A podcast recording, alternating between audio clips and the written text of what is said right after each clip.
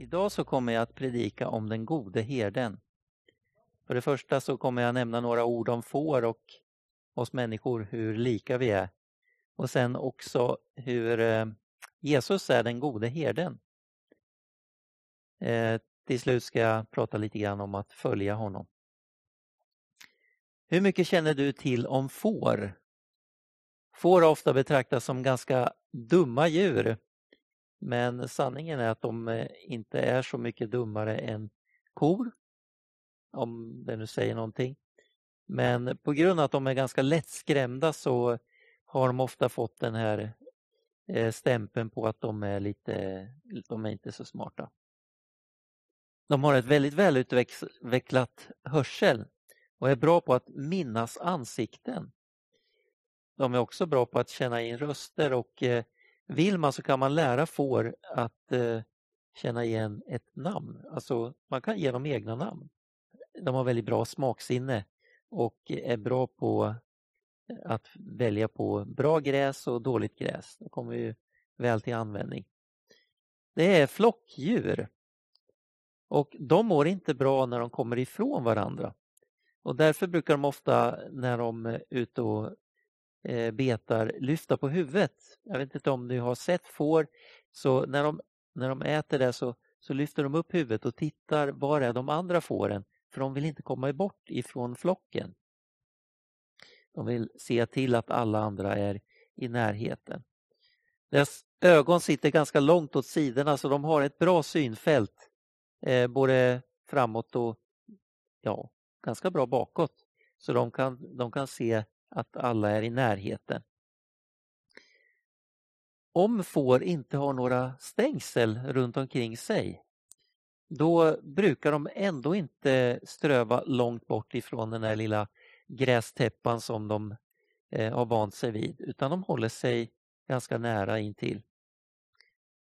Eh, deras ögon söker alltid efter någonting att äta och man kan lätt få dem faktiskt att följa om man har en hink med lite eh, mat så kan man få dem att följa efter.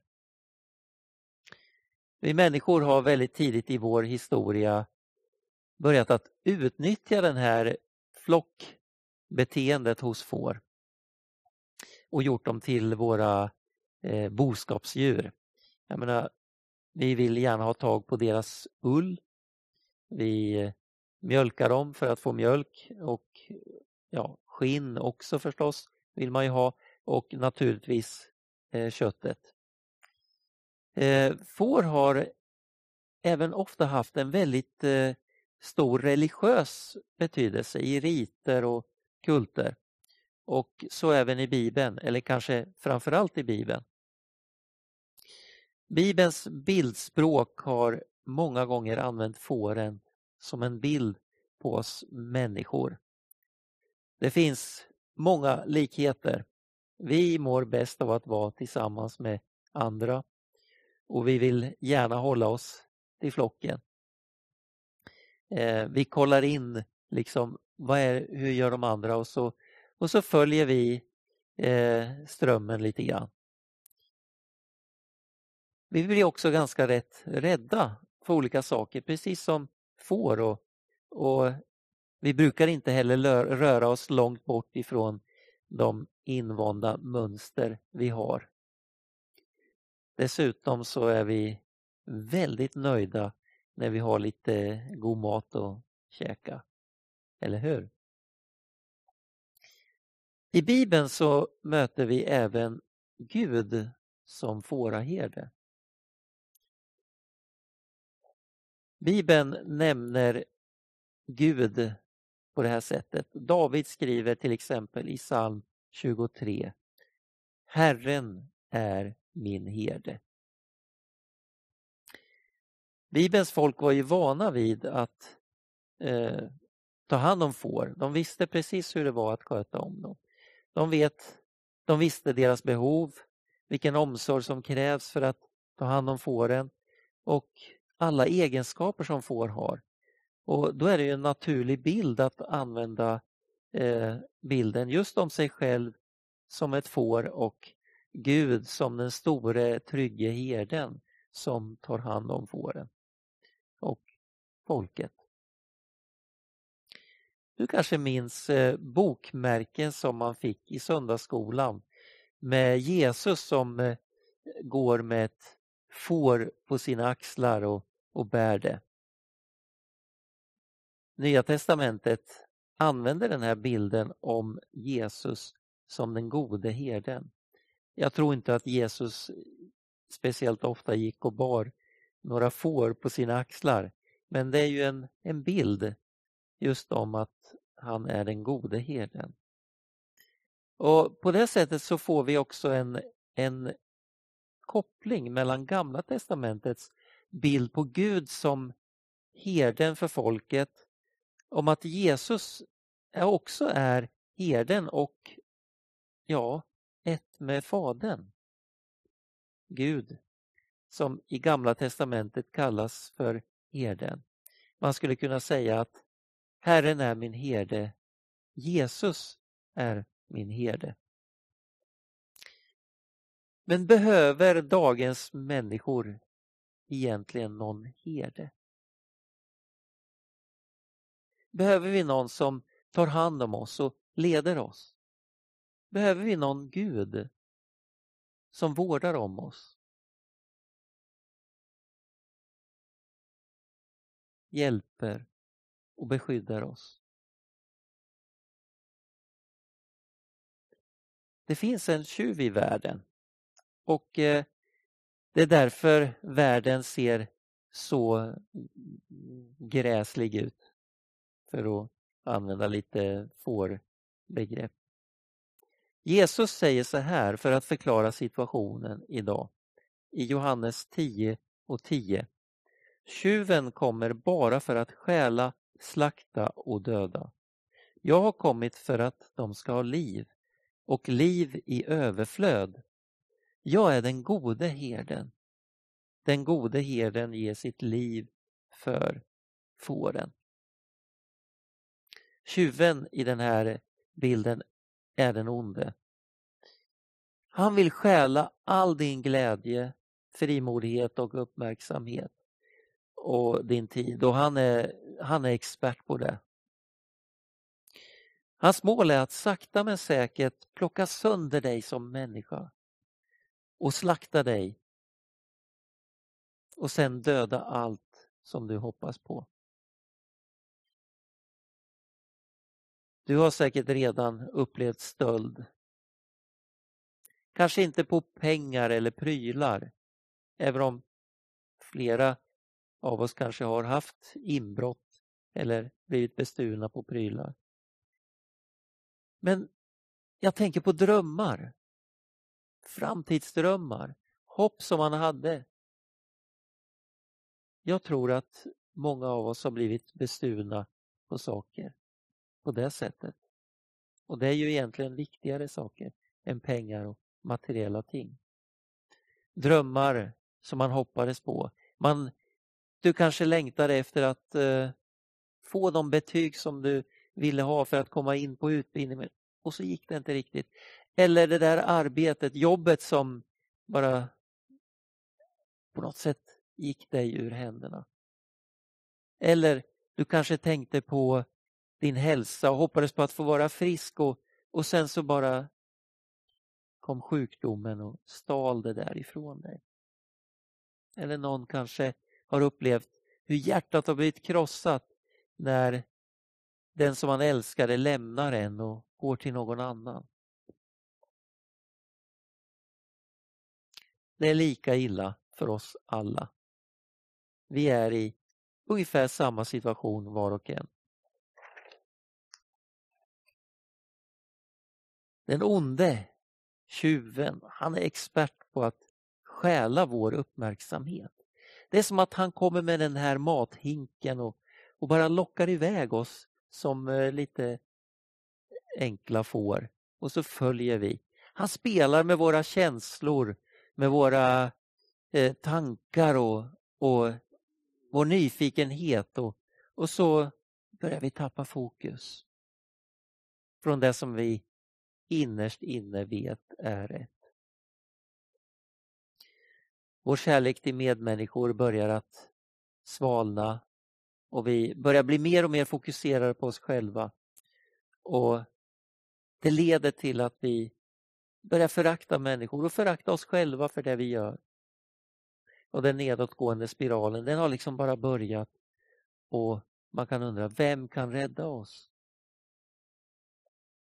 Ingen vettig människa skulle väl säga att, att med gott samvete kunna påstå att vara otrogen till exempel skulle vara något annat än synd. Att bedra sin livskamrat. Eller påstå att lögn eller elakt förtal är okej. Okay. Stöld, det är synd. Likväl som att mörda eller vara girig eller göra en massa dum, dumheter mot andra människor. Att förstöra vår fina planet, att eh, eh bryta ner miljön, att, att förstöra vår natur. Det är synd. Tjuven, han stjäl vårt liv. Han tar det från oss. Och vi är alla lika lättlurade, du och jag. Jag pekar inte finger åt någon annan. Men Jesus däremot, han har kommit för att ge liv. Och inte bara för, för att återställa det som tjuven eventuellt har liksom orsakat i våra liv utan faktiskt han har kommit för att ge oss liv, precis som vi läste, i överflöd. Han har förmågan att leda oss till gröna ängar där vår själ verkligen kan finna ro. Jesus han är den gode herden och han är beredd att ge sitt liv för fåren. Precis som vi läste i den här texten ifrån Johannes evangeliet. Vi firar ju varje år påsk och har gjort det i år också. Och Då påminner vi ju oss om att Jesus faktiskt visade att det fanns kraft bakom de orden som han sa. Det var inte bara så att han pratade om det utan han faktiskt gav sitt liv för dig och mig. Och med den handlingen så räddade han oss från vår synd. Och det är underbart att Jesus gjorde detta som inte vi kan göra. Den som vill får nu tillhöra hans fårajord. Göra honom till herde. En vän berättade för min fru om att hon längtade efter att få höra Guds röst. Att Gud skulle tala till henne. Och så råkade hon läsa Johannes 10 och vers 3 lite längre fram i den versen. Där det står att han kallar på sina får och nämner dem vid namn och för ut dem. När han har fört ut eh, alla sina får går han före dem och fåren följer honom eftersom de känner igen hans röst. När hon läste det här så tänkte hon om enkla får kan känna igen herdens röst. Nog borde väl jag som människa kunna höra Gud tala till mig. Och det här gjorde att hon blev verkligen hon blev upprörd. Hon tänkte sig, jag är väl inte dummare än ett får. Och så eh, började hon be till Gud att få höra Guds röst. Att få höra Gud tala till henne. Och så började hon att lyssna. Och faktiskt från den dagen så började Gud att tala till henne både i drömmar och i, i tankar.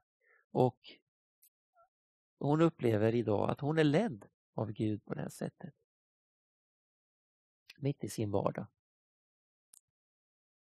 Och när jag förberedde den här predikan så tänkte jag på vem tänker, vem leder mina tankar egentligen? Vem leder mina handlingar? Är det Jesus den gode herden som gör det eller, eller är det någon annan? Finns det andra röster i mitt liv som, som liksom tar över och som jag följer? Och jag upplevde att vi på något sätt behöver ta tillbaks initiativet ifrån världens alla röster. Den inverkan som finns, den påverkan som finns på oss och överlåta den till Jesus. Den gode herden. Att jag själv i min kraft skulle vara duktig nog att kunna styra mitt liv i en så komplicerad värld, det tror jag är en illusion. Jag kanske tror att jag har kontrollen, men omedvetet så påverkas jag av den här världens all reklam, opinionen och influencers som finns eh, på alla sociala medier. Dessutom påverkas jag av mina vänner. Alla dessa makter är inte under Jesu herdeskap. Under första världskriget var det vid ett tillfälle några turkiska soldater som försökte stjäla eh, en, en, ett, ja, en fårjord ifrån en herde eh, lite utanför Jerusalem. Och herden som hade sovit vaknade och märkte att nu, nu är hans fårajord på väg bort och drivs bort av ett gäng soldater. Och han kunde ju inte tillba ta tillbaks de här fåren med, med våld. Det var omöjligt för honom. Men vet ni vad han gör? Han ropar på fåren med bara sitt speciella rop, sin speciella röst och sitt, sin kallelse till de fåren. Och vet ni vad de gör? Jo, de vänder om och så följer de, springer de direkt, direkt tillbaks till, till herden. Soldaterna kunde inte göra någonting. De hade ingen möjlighet att kunna eh, stoppa fåren. Jesus, han är den gode herden. Han vill leda dig och mig. Han vill leda oss till gröna ängar. Vill du vara ledd av honom? Vill du låta honom vara din herde? Han kommer inte som en tjuv för att med våld föra bort dig. Han kallar dig med sin speciella stämma och vid ditt eget namn. Han kallar dig att följa honom. Och om ditt hjärta bultar lite extra, kanske du kan uppleva att Gud faktiskt nämner ditt namn, så är det Jesus den gode herden som kallar på dig. Han vill leda dig till gröna ängar. Vill du vara ledd av honom? Vill du låta honom vara din herde?